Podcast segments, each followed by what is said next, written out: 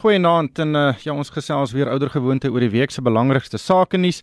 Uh, my gaste vanaand uh, uit die Kaap gesels Hugo Pinaar, hy's ekonom by die Buro van Ekonomiese Onderzoek wat verbonde is aan die Universiteit van Stellenbosch. Goeienaand Hugo. Goeienaand. En ook uh, uit Johannesburg gesels Narina Visser, sy's 'n direkteur by ETF SA. Goeienaand Narina. Naand Nik. Ehm um, Hugo, ons het uh, natuurlik hierdie week gehoor hoe die president die nasie toespreek. Ehm um, daar was nou 'n hele klomp uh probleme met sy toespraak veral met die EFF wat 'n bietjie um die die toespraak vertraag het en kommentaar het nou gesels oor uh, oor daardie uh, afdeling van die van die staatsrede maar natuurlik Suid-Afrika se ekonomie is in die moeilikheid. Ons uh, fiskale posisie is regtig benard. Uh ons gaan 'n begroting ook sien oor 2 weke wat uh, eintlik skokkend gaan wees. Ek dink uh, mens moenie iets minder as dit verwag nie. Maar wat het uh, is ons in 'n beter plek na die staatsrede as voor die staatsrede? Het die president op uh, op ekonomiese um uh, gebied vir ons meer duidelikheid gegee as wat ons gehad het voor die tyd?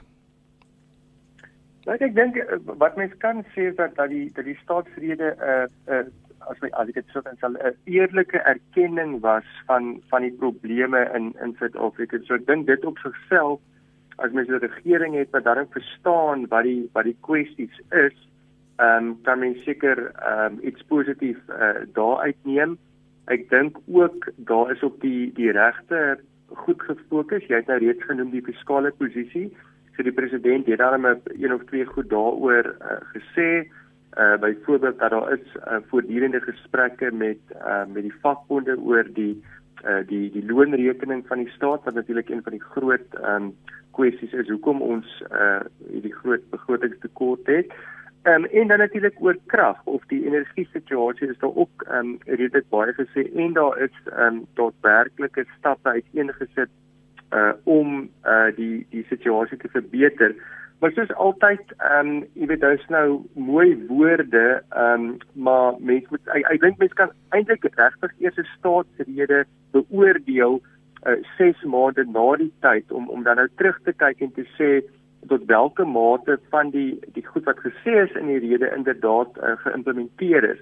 En ons weet dit is eintlik een van Suid-Afrika se groot probleme is dat jy weet ons verstaan die probleem, maar om dan nou ooreen te kom wat die oplossing is en tweede ehm um, die implementering van daai oplossings is is waar ons ver te kort skiet.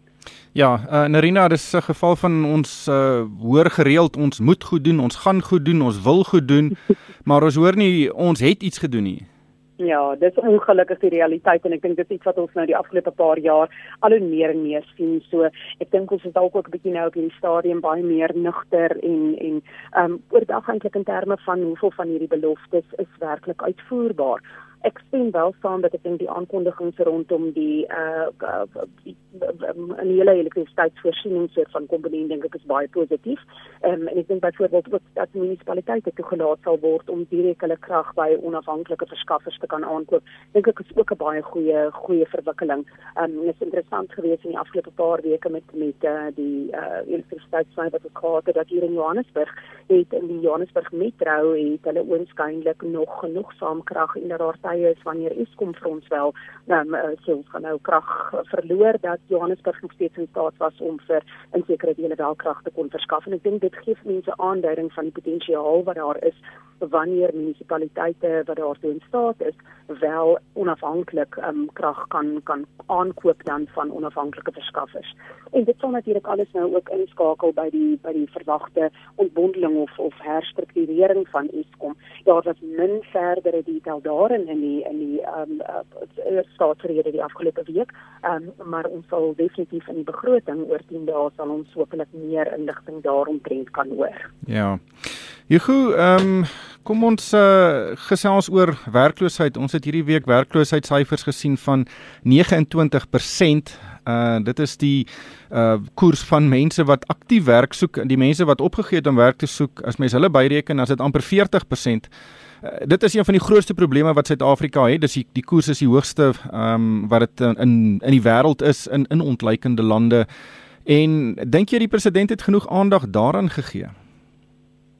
Ek moet sê hy hy, hy veral aan ehm um, die die jeug ehm um, of natuurlik vir die vir die jeug is is daai koers ehm um, nog hoër. Ehm um, so daar was redelik aandag gegee daaraan. Daar's nou hierdie idee dat alle uh, staatsdepartemente 1% van hulle begroting uh, uh, op sy sal sit um, vir ehm um, ontwikkelingswerk of inisiatiewe om ehm um, om vir al jong mense ehm um, uh, in diens te neem of in diensneming van jong mense te te bevorder.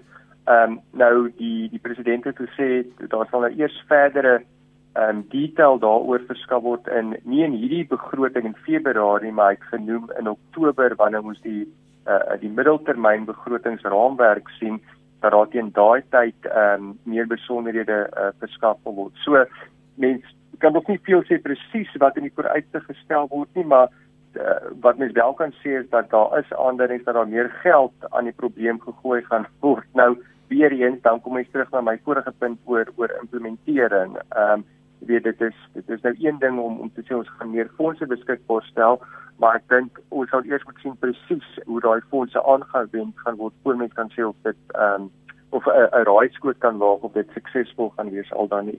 Ja, kyk, geld gaan nie die probleem oplos nie. Ekonomiese groei gaan daai probleem oplos en dis natuurlik uh iets wat ons glad nie sien op die oomblik nie en en die syfers of die data wat ons sien oor wat in die 4de kwartaal van verlede jaar gebeur het, dui daarop dat ons uh gesien dat die BBP weer gaan krimp.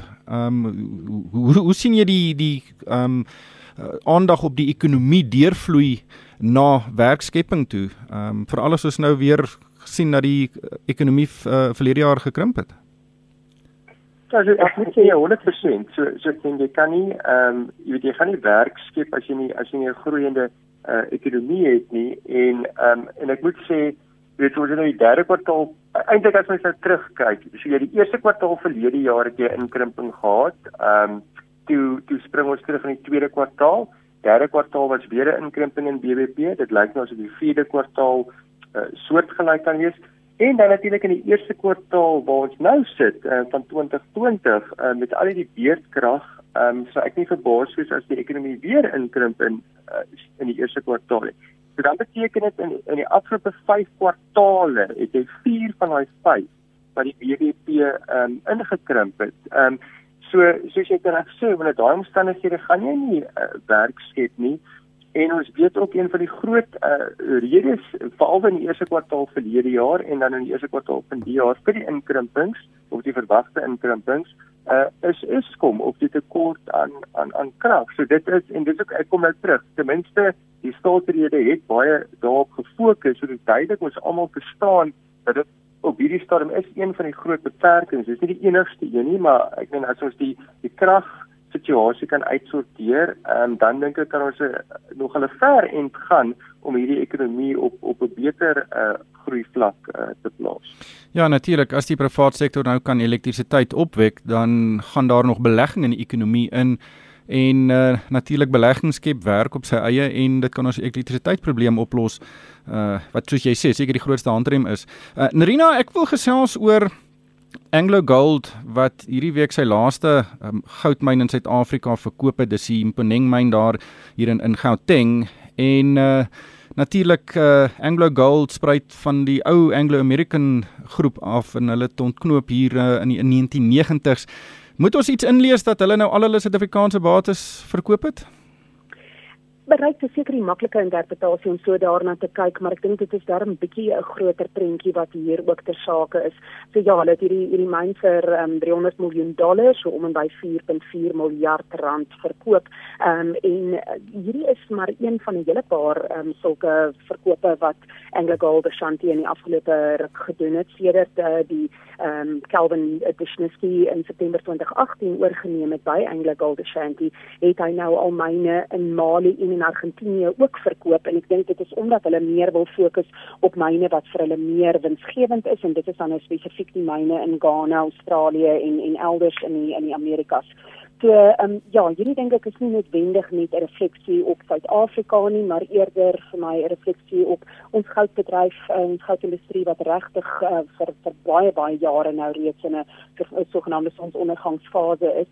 Ons het van die duurste myne in in die wêreld, ehm um, en dit is maar bloot omdat ons ons goudrewe so geweldig diep is. So waar jy dan nou van die uh, uh, vers, uh vervaardigers op die die mynhuise kry wat ehm um, dalk beter dit kan kan ontgin. Ehm um, kyk net by spesifiek byvoorbeeld na Sibanye en dan nou ook Harmony en um, waar jy dalk meer ekonomieë van ehm um, van groot skaal kan kry om dit nog steeds winsgewend dan te kan ontgin, is dit dalk beter so. So dis baie hartseer om te dink dis regtig die einde van 'n era hier in terme van Anglo Gold Ashanti. Ehm um, maar ja, interessant ook dat Goldfields het, het wel ook hierdie week net gesê na aanleiding van wat Anglo Gold gedoen het, sê dat hulle nie van plan is om om hulle laaste myn in in Suid-Afrika um, van die van die hand te sit nie. Hulle het um, onlangs vir die eerste keer uh, dit weer um, winsgewend geword. So ek dink ons moet versigtig wees om dalk nie te veel hierin te lees as as dalk 'n uh, stem teen Suid-Afrika op hierdie stadium nie. Ja kyk, die myne is verkoop aan Harmony wat uh besig ja. is om 'n baie is 'n Suid-Afrikaanse myngroep. Hulle besit hier ja. heelwat mynbates en dan het ons ook vir Sibanye uh wat veral in die in die platinum bedryf uh ook uh, baie bates het. So daar is 'n konsolidasie in die bedryf. Mm. Maar jy het nou net genoem oor die uh goudmynbedryf wat dalk uh uh wat soos hulle sê 'n sunset industry is waar dit dalk baie sleg kan gaan in die nabye toekoms, maar ons het die afgelope jaar gesien dat die groot goudmyne was baie winsgewend. Dit spruit natuurlik uit 'n hoër goudprys uit wat hulle gehelp het en en dit daar is nog lewe in ons goudmyne mits die prys ten minste bly waar hy nou is. Ja, ons is natuurlik baie afhanklik van van die goudprys. Die um, meeste van die Suid-Afrikaanse goudmyne um, is nogal redelik uh, nogal 'n redelike heffing in terme van die goudprys. Um, dit is by as die goudprys met net 'n paar dollar opgaan, beteken dit sommer heelwat meer in terme van hulle winsgewendheid. Aan die negatiewe kant beteken dit natuurlik ook dieselfde, maar wanneer ons dan in 'n opwaartse siklus is, soos huidigelik in terme van die goudprys in dollar terme, um, beteken dit definitief baie positiewe um, winsgewendheid vir ons goudmyne.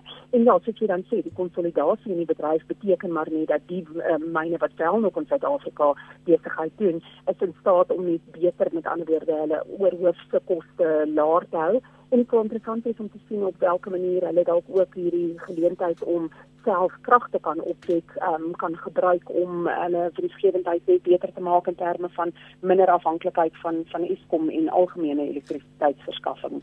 Ja, ek het hierdie week gesels met al drie uitvoerende hoofde van van wel van DRD Gold, Harmony en ook Goldfields en en dit is baie duidelik Hugo dat hulle reg staan om hulle eie elektrisiteit op te wek. Hulle het reeds projekte wat uh ver gevorderd is in die beplanningsfase. Dit sal net baie interessant moet wees of om te, dit gaan interessant wees om te sien wanneer hulle daardie knoppies gaan druk om daardie uh aanlegte te begin bou en en hoe dit gaan werk en hooplik kan ons vinnig riglyne kry ehm um, dat uh, daardie aanlegte gou in bedryf gestel kan word en die mynboubedryf in Suid-Afrika gebruik 30% van al die elektrisiteit wat Eskom opwek.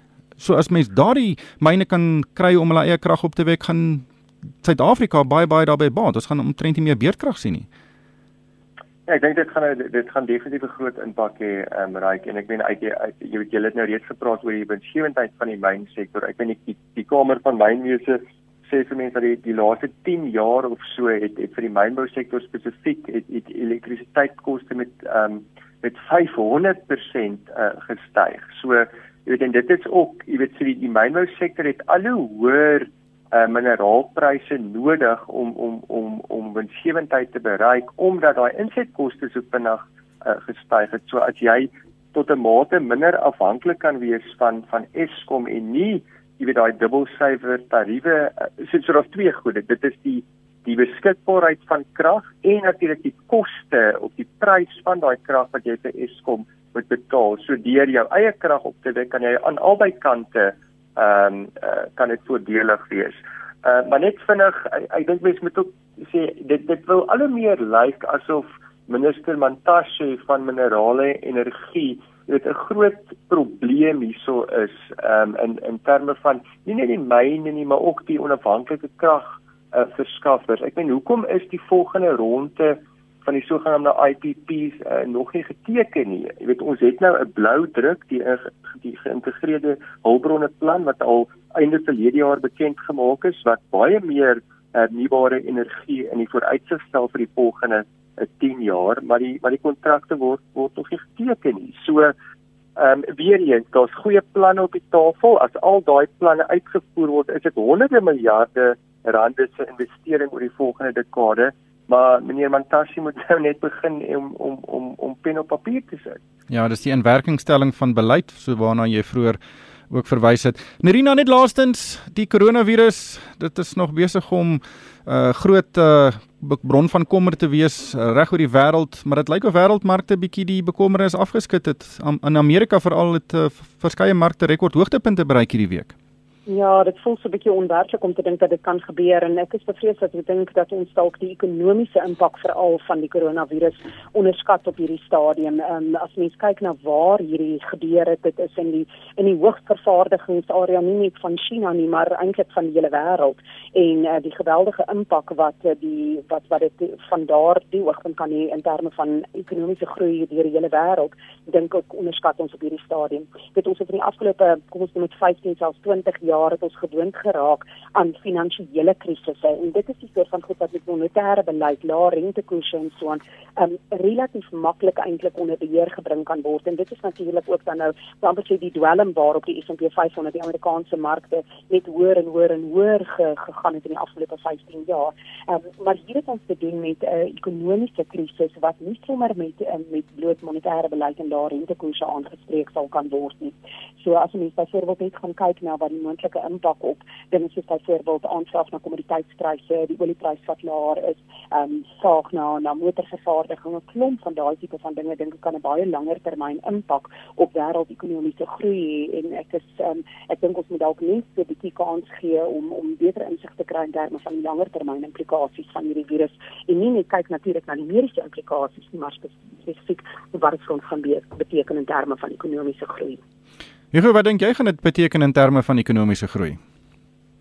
Ek ek kan nie meer sê met met Nadina nie. Ek dink ehm um, ek dink dit het 'n uh, gaan 'n baie groot uh, invloed hê uh vir die redes wat wat Nadina gesê het en jy is al klaar besig om ehm um, dit van die groot internasionale banke ehm um, om wesenlike afwaartse aanpassings op hulle Chinese groei uh, vir die jaar te maak en dit het dan nou deurspoel uh, effekte uh, na China toe. Maar miskien net interessant ek vir die vir die luisteraars, ek weet daar daar's 'n groot verskil tussen wat werklik in China met groei gebeur en wat die amptelike statistiek wys. So dit gaan bitter interessant wees om te sien die Chinese regering stel elke jaar, dink ek hier rondom Maart, April, stel hulle 'n teiken vir groei in China uh vir daai spesifieke jaar en wat ook al daai teiken is is maar wat die wat die syfer uitgedruk word hmm. op op die ou end of dit nou die werklikheid is al dan nie dit gaan interessant wees om te sien tot watter mate die Chinese regering hulle eie verwagtinge um, afskaal. Ek dink dit gaan mense mense 'n goeie idee gee van ten minste wat hulle dink die die die